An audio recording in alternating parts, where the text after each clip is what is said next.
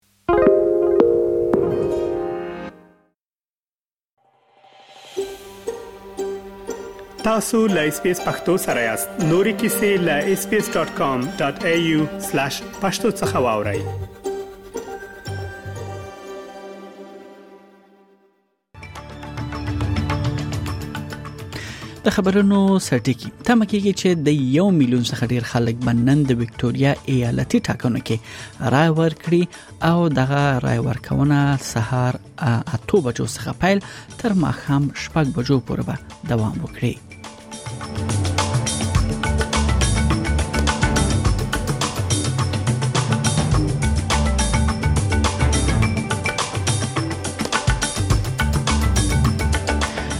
بل خبر دا ده چې ملګر ملتونه وایي چې لمرمن او جنونو سره د طالبانو چلن خای د بشریت ضد جرم وګڼل شي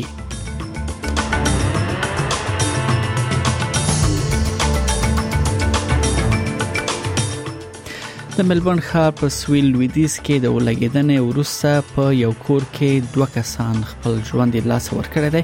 او دریم کس چې دی دغه هم حالت خراب دی او روغتون کې درملنه لاندې دی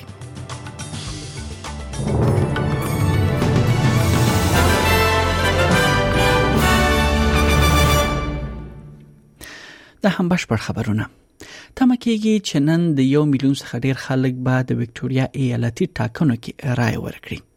دا په ګوته کوي چې آیا لومړی وزیر چې د یاد ایالت مشر دی ډانیل انډریوز به د دریمه دورې واک په واک کې واخلي او کنه او یا به ائتلافي ګوندونو مشر میتیو ګای به واکمن شي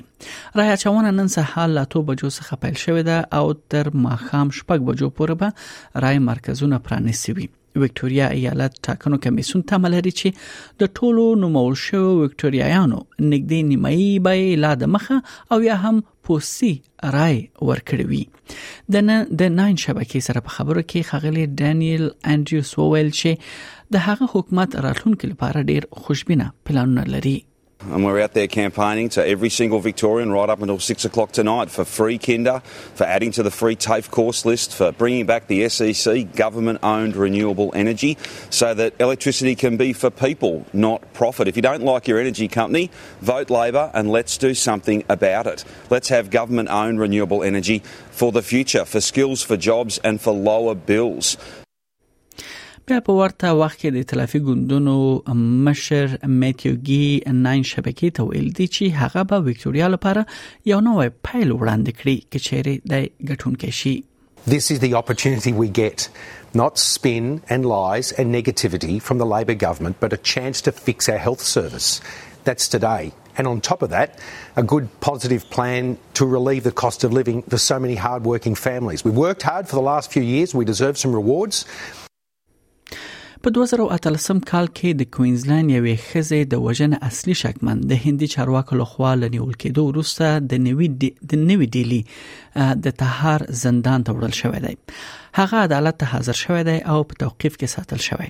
د هغه قضیه و د نومبر په 13مه بیا واوریدل شي پولیسو دغه سلیرش پولیسو د سلیرش کلنه میرمنې ګوردنګلی د مړینې په تړاو له سلورو کلونو راهیسې د راجویدر سنگ په لټه کې و چې په 2013 کې د کیرنز ته نږدې وانګ تی سمندر غاړه په وګدو کې دغه میرمنې وژلو و د کورنۍ ملګری وین پرونګ ټربل نن شبکې ته ویل دي چې دا پرمختګ د میرمنې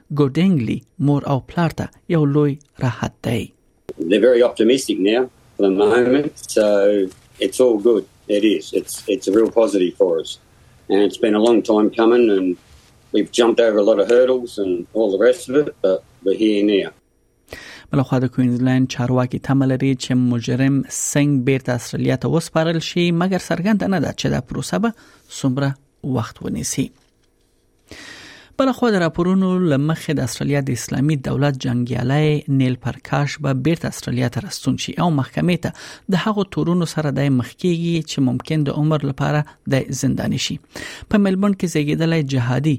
په سوریه کې د داعش سره په جګړه کې تر نیول کېدو وروسته په ترکیه کې زنداني شو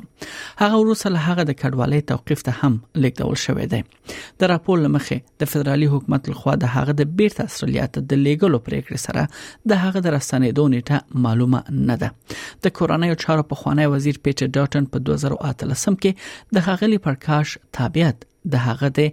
آیس ډله سره د تړاو لامل لغوه کړو خو د فیجی د ماجرات چارواکي وایي خغله پرکار چې ل یو فیجی پلار څخه زیږیدل دی هیڅ کله د خپل هیوا تابعیت نه دی غوښتای بلخوا د ملبون په سویل لویدیز کې د اولګیدنې وروسته په یو دوه پوړیز کور کې دوه تنه مړه موندل شوې دي بیړني خدماتو کارکونکو نن سهار شاوخوا ونیمه بجې د ویربي کې چې دغه سیمه کې اور لګیدل او هغه کور ته دوی رسیدل دي پولیس وايي د دوه کسانو مړي موندل شوې دي او دریم کس روغتون ته وړل شوې ده چې ټپونه د ژوند غوښون کې نه دي چارواکي د اور لګیدنې د لامل په اړه څېړنه کوي بل خبر له افغانستان څخه دی په جنیوا کې د ملګرو ملتونو په دفتر کې د افغانستان د خزو او جنو د وضعیت په اړه غونډه شوې ده چې په افغانستان کې د بشري حقوقو لپاره د دې سازمان ځنګړي اساسي ریچارډ بند او نورو کارپوهانو پکې برخه اخیسته د ملګرو ملتونو د بشري حقوقو ادارې د دې غونډې په اړه په یو بیان کې ویلي دي چې هغه ګامونه چې طالبانو حکومت د خزو او جنو په حق کې پورته کړی دي د دوی پر بشري حقوقو او فردي ازادۍ موجود تیری یا ژور کوي په دغه بیان کې راغلي دي چې خزو او جنو پر حقونو روان تیری نړۍ کې تر ټولو سخت دی چې خای د جنسیت پر بنسټ زورونه وبل شي او دا ډول زورونه د بشریت ضد جنایت دی د وی سی پښتو ویب پاڼه لمخه بلخوا نیو ساوت ولز کې د ریل اتحادیه او د نیو ساوت ولز ایالت حکومت ترمنځ یو تړون لاسلیک شوی دی چې دا د کلونو صنعتي شخړو وروسته د حل نښه لیدل کیږي د و ساعته غونډې وروسته حکومت د ریل ترام او بس اتحادي غوښتنه سره موافقه کړې ده اتحادیه د کوریا لخوا جوړ شوی ریلګاډي د خوندیتوب په اړه دوامدار اندېښنې خوده لوي او د میاشتو مودې لپاره صنعتي مظاهره او کارونو خوشی کولو باندې لاس پورې کړی و د لاسلیک شوی تړون لا نور جزئیات وروسته خبرېږي بلخوا د روسیې ولسمشر ولادمیر پوتین د هغو روسي پوځیانو لمایندو سره وکتل چې له اوکراین سره په جګړه کې دوی وژل شوې دي په احتیاط سره ترتیب شوی ویډیو کې ولس مایند د چای او کیک څخه ډک میز ته ناست دي او ولسمشر ته د خپل زامنو د لاس ورکولو کیسې په لومړی کرخه کې دوی بیانوي د مسکو څخه بهر د پوتین په نو اوګاریو استوګنځي کې 2 ساعت غونډه د یکشنبه په ورځ د روسیې د مور د ورځ سره سمون هم خوري هلته جوړ شو په جواب کې پوتین خزه ته ویل چې هواد یې د دوی درد کې شریک دي او د دوی د زامنو ستاینه وکړه چې د نوروسیا دفاع کوي دا یو ملت پاله اصطلاح ده چې لفظي معنی یې نوې روسیا ده важно то что мы все смертные The important thing is that we are all mortal. We are all in God's hands, and someday we will all leave this world. It's unavoidable. The question is how we lived. For some people, it's unclear if they live or not, and then they pass away from vodka or something else. Did they live or not? Life imperceptibly slipped somehow, and it is unclear whether a person lived or not. But your son lived for real. His goal has been achieved. بل خبر له پاکستان څخه دی د وزیر اعظم شهباز شریف لخوا د پاوز نوې ټاکل شوی مشر لیفټننټ جنرال سید عاصم منیر به د نومبر په پا پای کې خپل کاري موده پیل کړي دا په داسې حال کې ده چې تر دې مخکې د پاوز د نوي مشر پر ټاکنه په پا پاکستان کې ډېر بحثونه روان وو او سترګې دې ته دي چې د پاوز نوې مشر به په هیواد کې شته مسلو او ورپېښو یعنی ننګونو په موجودیت کې خپل کار څنګه مخته وسی شنون کې وایي د پاس مخته یو شمیر ننګونې پرتی دي چې باید د حل کولو او له نورو ادارو سره د یعنی همکاري هڅه باید همدغه نوې مشر وکړي او یو خبر سپورتي دی چې د افغانستان او سریلانکا ترمنځ د دریو یو ورځنۍ لوب په لومړی لوب کې افغان لوبډلې سریلانکا ته په شپېتو منډو ماته ورکړه دغه سیالي چې د سریلانکا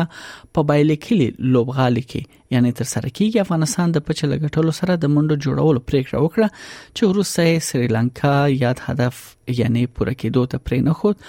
او شپېتو منډو په توپیر یې لوبه وګټله او بل سپورتي خبر له فوتبال ډګر څخه دی فوتبال په نړیوال جام کې انګلستان د متحده ایالاتو سره یو صفر خپل لوبه مساوي کړه د انګلستان لوبډل مشر هری کین وایي که څه هم د لوبډلې دلته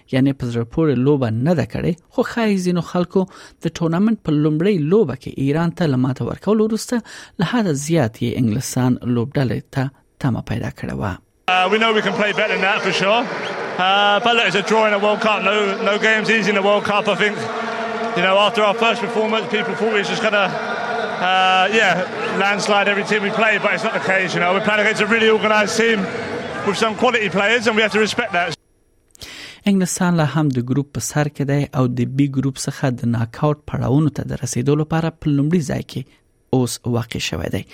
لدی وروسته ایران دی چې د ګروپ په بل لوبه کې ویلز ته 2-0 په وړاندې ماته ورکړه په الف ګروپ کې هالند او اکوادور یو یو مساوي شول په ورته وخت کې کوربه هیواد قطر د لومړي هیواد په توګه له ناکرارۍ سره مخ شو چې د ناکاوټ مرحله ته د پاکېدو ډاډي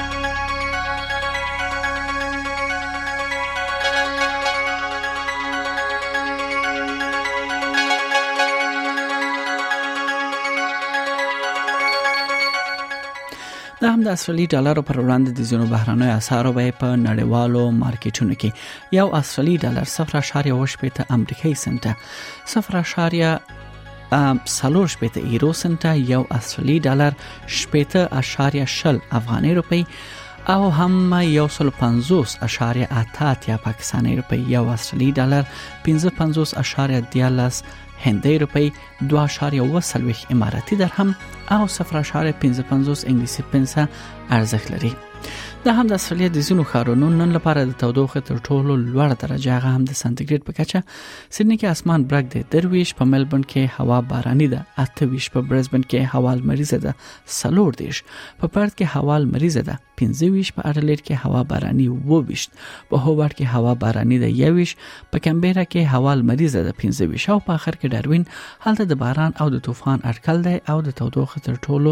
لوړه درجه 3 سانتیګریډ اټکل شوې ده